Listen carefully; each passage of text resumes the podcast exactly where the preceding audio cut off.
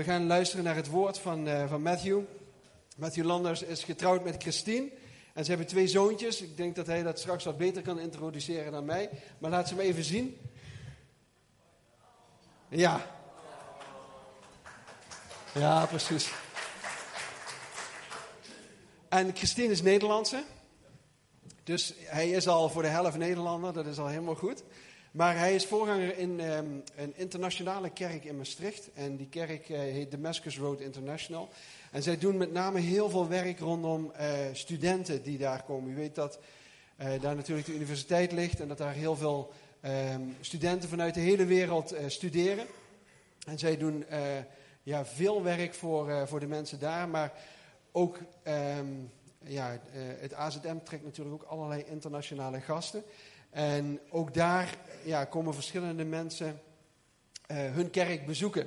En ik denk dat het heel mooi is dat we in Zuid-Limburg een Engels sprekende, Engelstalige kerk hebben, die ook nog bloeit.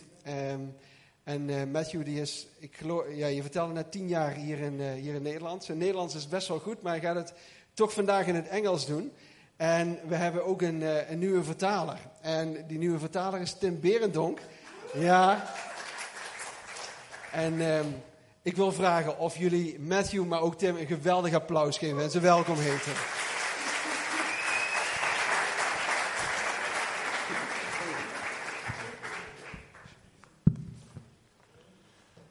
Dankjewel, Bart. Um, ik ben heel erg dankbaar om hier te zijn. Dankbaar aan de Heer, dankbaar aan Bart. um, als hij zei, uh, mijn vrouw is wel Nederlands, maar zij komt uit Noord-Holland. Dus mijn G is een beetje gaar. Ik heb niet de zachte G. Um, ik ken een beetje Nederlands spreken, maar voor een hele preek is het een beetje moeilijk voor mij. Dus vergeef me, ik, ik zou het in Nederlands doen, maar ik heb wel Tim bij me. Dit hoef je niet te vertalen. I'm excited to be here because I think God wants to speak today. Ik ben enthousiast om vandaag hier te zijn, want ik denk dat God mij hier wil hebben vandaag. Last night was horrible for me. Vannacht was verschrikkelijk. My, my wonderful youngest son didn't sleep very well. Een prachtige jonge zoon, die sliep helemaal niet goed. So I didn't either. Dus ik ook niet. And sometimes God seems to work best when I feel most tired. Maar soms werkt God het beste als ik het meest moe ben. So I'm, I'm excited about that. That God, I think, will use this. Dus daar ben ik enthousiast over dat ik hier nu voor gebruikt word. I'm trying to learn how to use this clicker. Where do I point it? Ja, at the eh, iMac.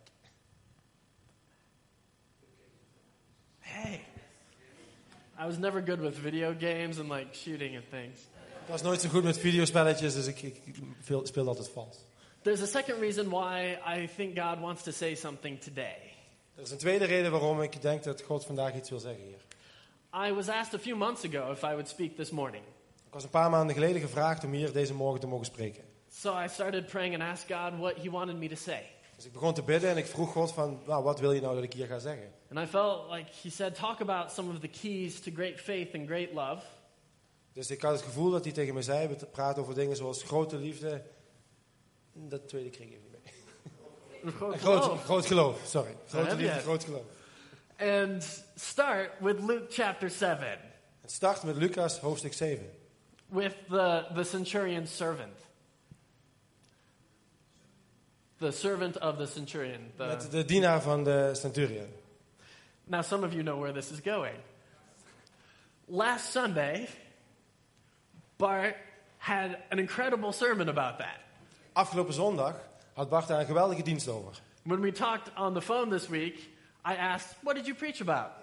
Dus toen ik hem belde deze week, vroeg ik hem, waar heb je over gepreekt? Uh, Luke 7, the servant of the centurion. Lucas 7. I said, Oh, great. Ja, geweldig. I thought, No! Nee, What do I do? wat moet ik nou? I told my wife my problem, Ik vertelde mijn vrouw mijn probleem. and she said, So what? Dus ze zei dus, Because you know that God repeats things when he finds them important. Want je weet dat God dingen herhaalt als hij ze belangrijk vindt. She said, You do that all the time in your sermons. Dat doe je altijd in elke dienst. So I think God really wants to say something. Dus ik denk dat God echt iets wil zeggen. For those who missed last Sunday, Voor degenen die afgelopen zondag gemist hebben. listen today and then go back and listen to last week's sermon online. Luister vandaag en dan ga je terug naar de dienst van vorige week. Luister die terug online. I did it yesterday. It's good stuff. Ik heb het gisteren gedaan. Goed spul. For some of you, this might be a warning. Voor sommigen van jullie is dit misschien een waarschuwing. God spoke to you, said do something, God sprak naar jullie en zei doe iets. and if you haven't done it, He's saying, No, really, do it. Als je het niet gedaan hebt, dan bedoelt hij, jij moet het echt gaan doen. I hope for most of you, it's an encouragement. Ik hoop dat het voor de meesten van jullie een bemoediging is. There is a man in the Bible named Joshua, Er is een man in de Bijbel genaamd Joshua. and God was making him a leader. God maakt hem een leider. And in Joshua 1, he tells him, Be strong and courageous. En Joshua 1, hij zegt, wees sterk en eh, eh, bemoedigend. I'm going to be with you. Ik ga met je zijn. Be strong and courageous, Ja, wees sterk en bemoedigd. and obey what I'm telling you to do. En volg op wat ik je zeg te doen. Be strong and courageous. Wees sterk en bemoedigend. He says it three times. Hij zegt het drie keer. Joshua goes to the people Joshua gaat naar de mensen. and says, This is what God's told us to do. Hij zegt, dit is wat God ons verteld heeft om te doen. And they respond, Great, we'll do it. En ze reageren, ja, dat gaan we doen.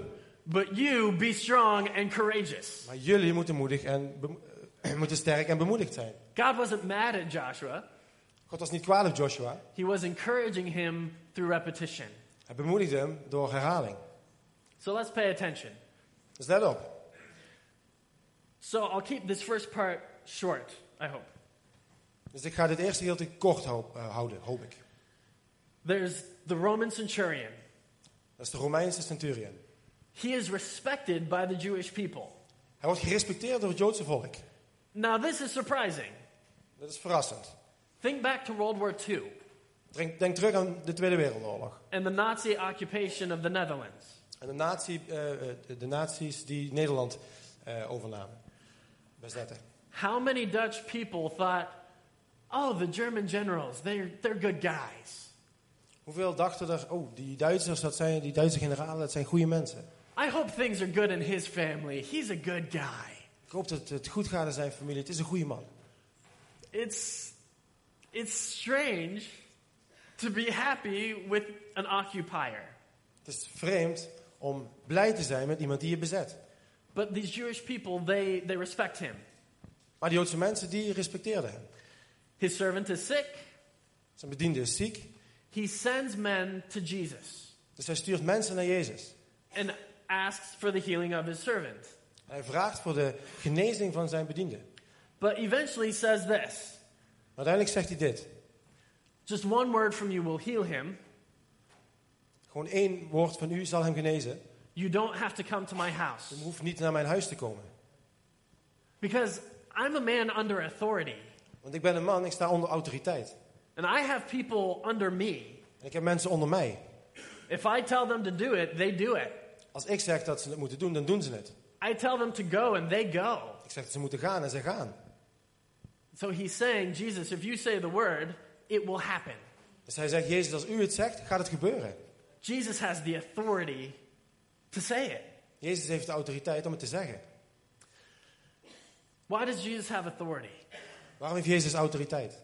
Well, we've mentioned today Jesus is king. Nou, we hebben vandaag al benoemd, Jezus is koning. Now, I come from the United States. Nou, ik kom van Amerika. We have no king, We hebben geen koning, but I live in the Netherlands. maar gewoon een Nederlander. You all have a king, right? Jullie hebben een koning. Koning Willem-Alexander. Koning Willem-Alexander.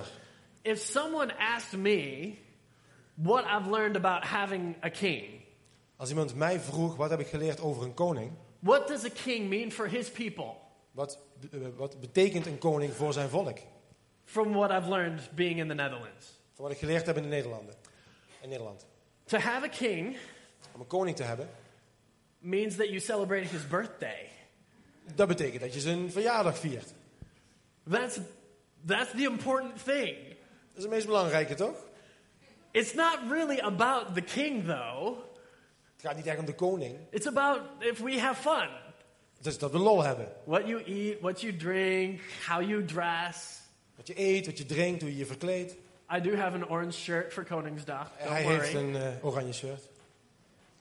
Ik ook. The king gets money.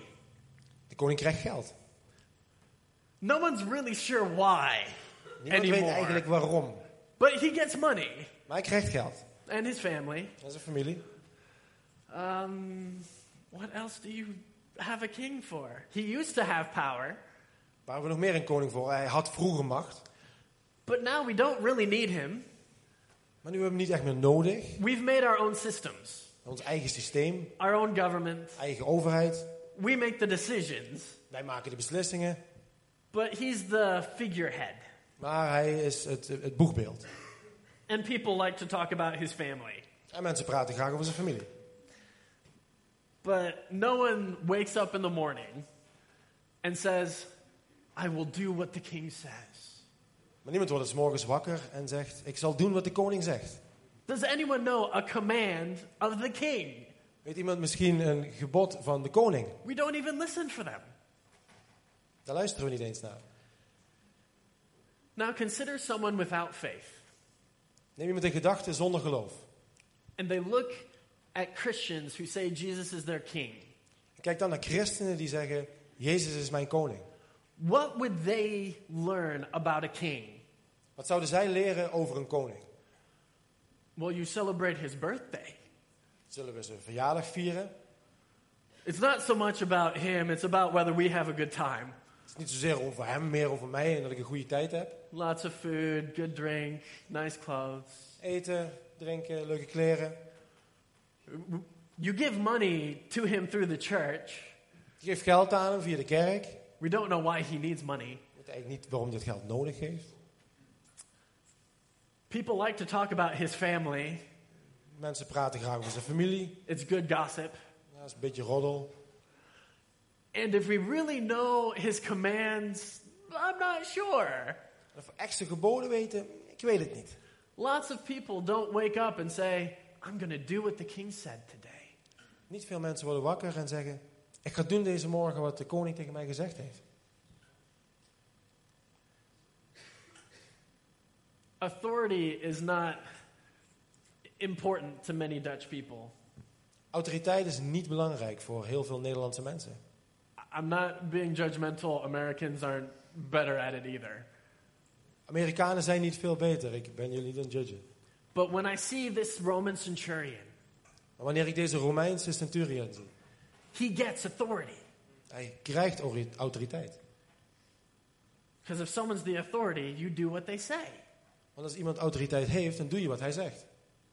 And Jesus says, I have not found such great faith in all of Israel. En Jezus zegt, ik heb al nog nooit zo'n groot geloof gezien in heel Israël. This man understands authority. Deze man, eh, deze man begrijpt autoriteit. That's key to his great faith. En dat is de sleutel tot zijn grote geloof. Now, I want to be careful. Dan wil ik voorzichtig zijn. Sometimes people think authority and abuse go together. Sommige mensen denken dat autoriteit en misbruik samengaan. I am against abuse in all its forms. Ik ben tegen misbruik in al zijn vormen. We preach against abuse in my church. We bidden tegen misbruik eh, in onze kerk. We teach leaders how to avoid abuse in my church. We leren leiders hoe je dat kan voorkomen, dat misbruik in de kerk. In the last year, we've had five testimonies Het afgelopen jaar hebben we vijf getuigenissen. of people who have gone through abuse and with Jesus are finding healing. Van mensen die door misbruik zijn gegaan, maar door middel van Jezus eh, genezing gevonden hebben. Of those five, three were men. Van die vijf waren er drie mannen. One is an MMA like cage fighter. Eentje is een MMA cagefighter, kooivechter. It can happen to anyone. Het kan iedereen gebeuren. And it's not a shame for us to talk about it. Het is geen schaamte om erover te praten. It's a shame when we ignore it. Het is een schaamte als we het negeren. It's a shame when we let it happen. Het is een schaamte als we het laten gebeuren. So please don't think I'm talking about authority and encouraging abuse. Dus denk niet dat ik praat over autoriteit eh, en dat ik misbruik eh, eh, opzwep. But there's something important about healthy authority Maar er is iets heel belangrijks aan gezonde autoriteit. and that we need to obey authority. En dat we autoriteit moeten eh, gehoorzamen. And so maybe the reason why we feel like there's so little faith in the Netherlands. Misschien de reden waarom we het gevoel hebben dat er zo weinig geloof is in Nederland. In the on, on the whole, I'm not saying in this room right now, but on the whole, Niet alleen in deze ruimte, maar in het algeheel. so little faith, so few miracles. Zo weinig geloof, zo weinig wonderen. Maybe because we don't understand authority well yet. Misschien dat we de autoriteit nog niet zo goed begrijpen. And may the people of God be the ones who lead the way in that. En dat de mensen van God daar de weg in mogen voorleiden.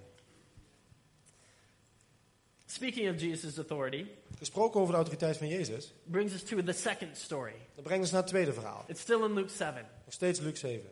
See, Jesus is speaking as a man with authority. Kijk, Jezus spreekt als een man met autoriteit. He had called himself a prophet already. Hij heeft zichzelf al uitgesproken als een profeet. And so a religious leader wants to check Jesus out. Dus een religieuze leider wil kijken wie Jezus is. He invites Jesus over for a dinner party. Hij nodigt hem uit voor een, ja, voor een etentje. He invites Jesus to investigate Jesus. Hij nodigt Jezus eigenlijk uit om hem te onderzoeken.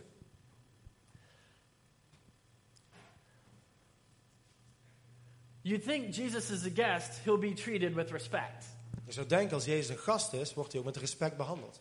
But he's not. Maar dat is niet het geval. He's not given the three Dutch kisses on his cheek. Hij krijgt niet die drie kusjes, zoals de Nederlanders dat doen. He's not given water to wash his feet. Hij krijgt geen water om zijn voeten te wassen. He's not given oil to anoint his head. Hij krijgt geen eh, olie om over zijn hoofd heen te gieten. And everybody at this dinner party sees that. En iedereen op dit etentje ziet dat. And in their culture, they know that is no accident. En in hun cultuur weten ze, dit is geen toeval. That is an insult. Dat is een belediging. This, this man investigating Jesus insults him from the beginning. Die man die Jezus onderzoekt, die beledigt hem eigenlijk vanaf het begin af aan. But Jesus just goes in and reclines at the table.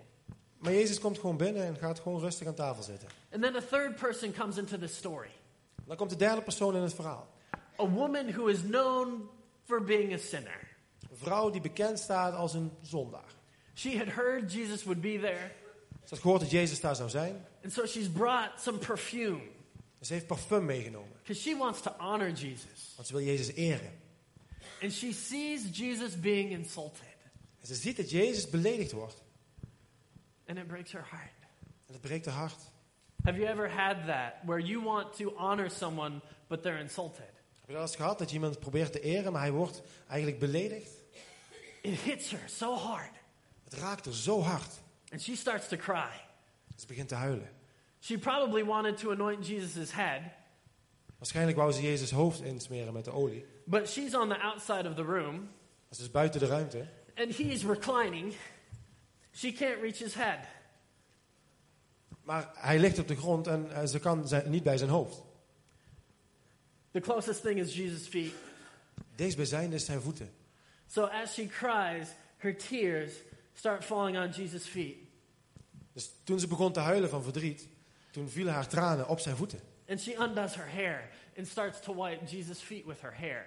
En ze maakte haar los en gebruikte haar eigen haren om de voeten van Jezus schoon te maken. How awkward is that? Hoe awkward is dat? I think it's a little gross when my wife puts her feet on my pillow. Ik denk dat het een beetje vies is als mijn vrouw haar voeten op mijn kussen legt. But you have a stranger with her hair touching your feet. It's awkward. Maar je hebt een vreemde die met haar haar jouw voeten aanraakt. Eh, Een beetje gênant. And Simon, who invited Jesus, Simon die Jezus uitnodigde,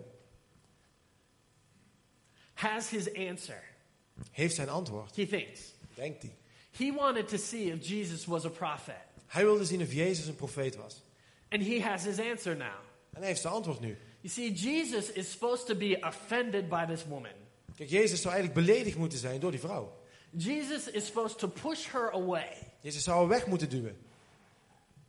But Jesus didn't. Maar dat deed hij niet. Jesus should know this is a bad woman. Jezus zou moeten weten, dit is een slechte vrouw, dit is een zondares.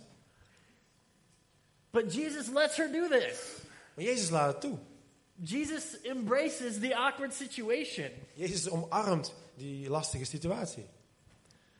And Simon knows this woman is bad and Jesus is no prophet. En Simon weet, deze vrouw is slecht en Jezus is geen profeet. Now, Jesus is brilliant. Jezus is briljant. And he knows one of the best ways to teach you a lesson is to tell you a story. En hij weet dat de beste manier om je een lesje te leren, is om je een verhaal te vertellen. So he says, Let me tell you a story, Simon. Laat me je een verhaal vertellen, Simon. Can I tell you something? Kan ik je vertellen?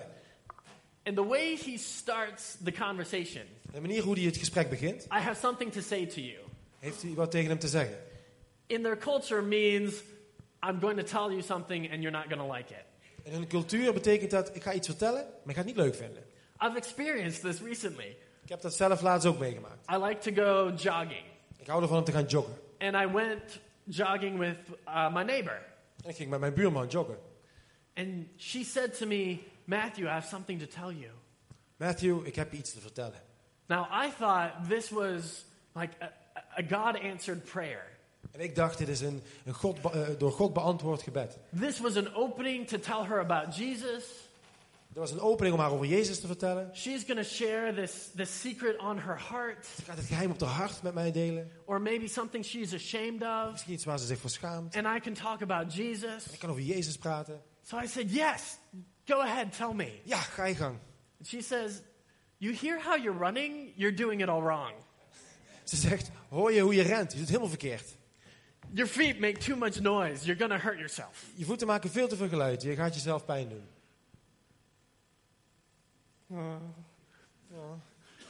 It wasn't what I hoped. Het was niet wat ik gehoopt had. But I understood this sentence better. Maar ik begreep deze zin beter.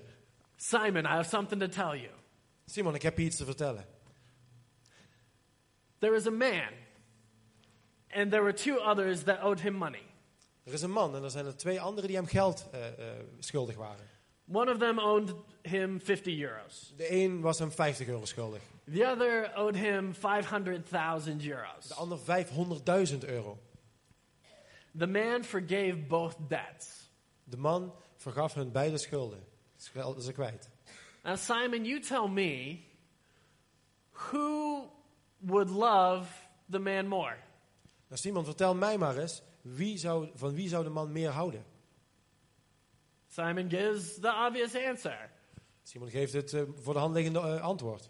I suppose the one who was forgiven the greater debt. Ja, degene die de meeste schuld kwijtgescholden is. And Jesus congratulates Simon.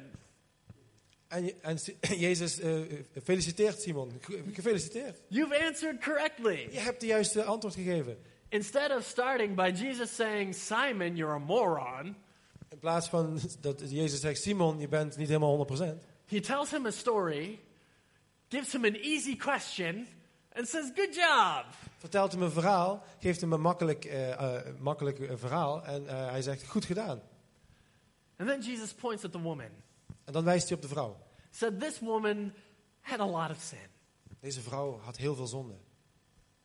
but she's been forgiven that, and so she loves much. Maar ze is dat, haar, haar is dat vergeven, omdat zij zoveel van mij houdt. She has great love because she understands forgiveness. Zij heeft grote liefde, omdat ze vergeving eh, begrijpt. And Jesus doesn't say it directly, Maar Jezus zegt het niet direct. but he's saying to Simon, You insulted me. Hij zegt tegen Simon, jij beledigde mij. You don't think that's a big deal. Jij denkt dat dat misschien niet heel veel uitmaakt. But even that small thing, I'm willing to forgive you. Zelfs dat kleine dingetje ben ik bereid om jou te vergeven. See, Jesus is offering forgiveness to big sinners and small sinners at the same time. Kijk, Jezus biedt verge- vergeving aan aan kleine zondaren, maar ook aan grote zondaren op hetzelfde moment. Sometimes in church, we try to seem like small sinners. Soms in de kerk dan doen we alsof we kleine zondaren zijn. Uh, We try to pretend like we're not so bad. We doen alsof we eigenlijk helemaal niet zo slecht zijn. Jesus forgave me, but thankfully it wasn't so much. Ja, Jezus heeft me vergeven, maar gelukkig was het niet zoveel.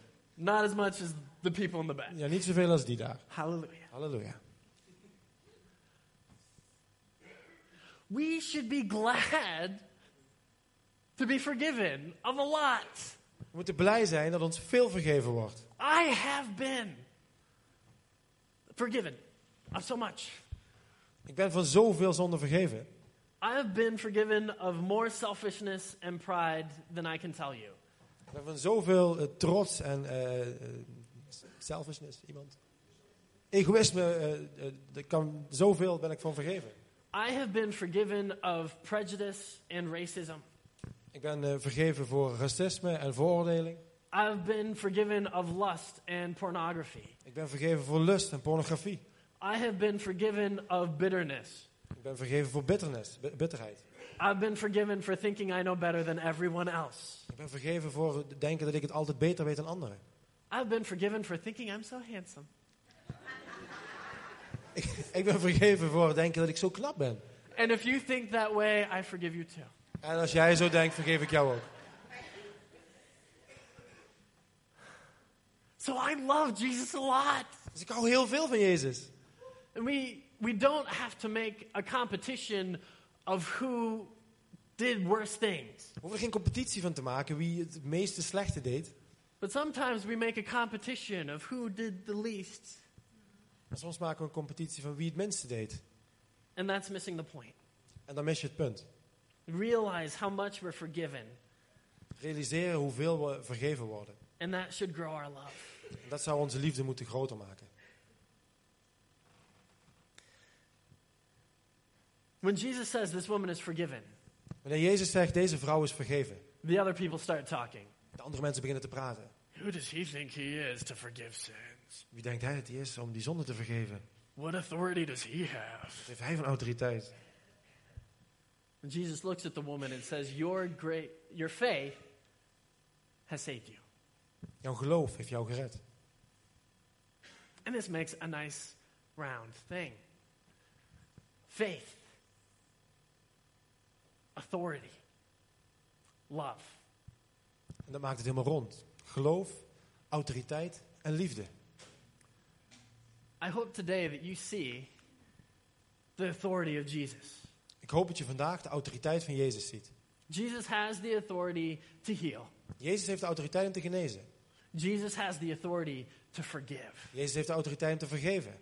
Some people in here might feel ashamed of themselves Sommige mensen hier zullen zich misschien schamen voor zichzelf. and feel like Jesus would never forgive me. Het gevoel hebben van, Jezus vergeeft mij niet.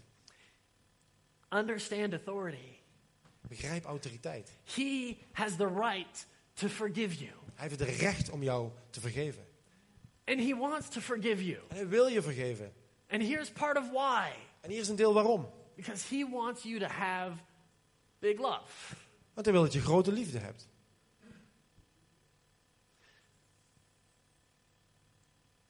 So both of these stories have to do with authority. Dus wat hebben deze beide, nee, deze beide verhalen hebben te maken met autoriteit? What will you do with it? Wat doe je daarmee? Jesus said several times, Jezus zei verschillende keren. Why would you call me Lord, Lord, and not do what I say? Waarom schreeuw je me aan als Heer, Heer, maar doe je niet wat ik zeg? He wants us to obey him. Hij wil dat we hem gehoorzamen. And he said, I give you a new commandment Ik geef je een nieuw gebod. love like I have loved you. Heb lief zoals ik jou lief heb. He wants to forgive you Jezus wil je vergeven. so that you will love him, Zodat je hem van hem houdt. so you'll do his will Zodat je zijn wil doet. to love others. Om anderen lief te hebben. It's his joy to forgive. Daar haalt hij zijn vreugde uit om ons te vergeven. I want to leave you with one last encouragement. Ik wil je achterlaten met nog één bemoediging. Love Jesus a lot. Hou heel veel van Jezus. When was the last time you were amazed by Jesus? Wanneer was de laatste keer dat je overweldigd was door Jezus? When you just stopped and thought, Jesus is incredible. Dat je stopt en dacht, Jezus is geweldig. He's beyond words. Hij is boven wo- woorden, ik kan er geen woorden voor vinden. The way he treats people is so strange and wonderful. De manier hoe hij mensen behandelt is zo raar, maar geweldig. The way his spirit works. Hoe zijn geest werkt, The way his power hoe works. zijn kracht werkt, The way his mind hoe works. zijn hersenen werken. Amazes me. Dat verbaast me. So here's my recommendation Dus hier is mijn aanbeveling. stalk Jesus. Stalk Jesus. We have lots of social media nowadays. We hebben tegenwoordig heel veel social media. We've learned how to stalk people. We weten inmiddels wel hoe we mensen moeten stalken.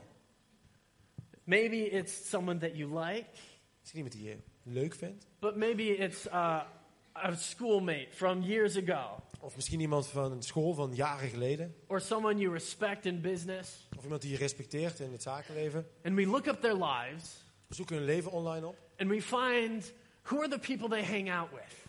We gaan kijken met wie gaan hun om. What are the secrets to their success? Wat zijn de geheimen naar hun successen?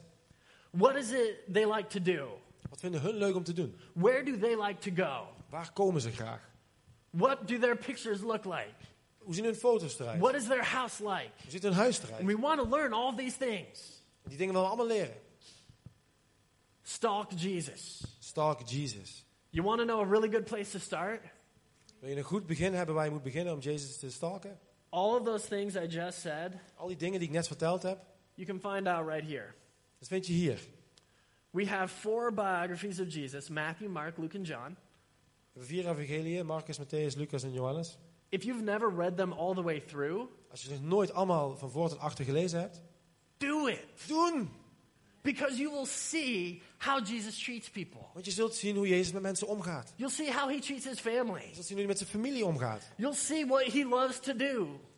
Je zult zien wat hij wil doen. You'll see the kind of food he likes to eat. Je ziet welk eten hij lekker vindt. All of it's in there, I'm telling you. Alles staat erin. Ik vertel het je. Because I love reading the stories over and over and over. En ik vind het geweldig om de verhalen eh, te blijven leven en te blijven lezen. Because I think he's incredible. En ik vind hem geweldig. So I encourage you. Dus ik bemoedig jullie. Realize his authority. Herken en besef zijn autoriteit. Love him deeply. Hou van hem deeply. Diep. And stalk him with all that you have. En stalk hem met alles wat je hebt. Learn what he says. Leer wat hij je zegt. Because when it comes to authority, Want wanneer het op autoriteit aankomt, ignorance is not a good excuse.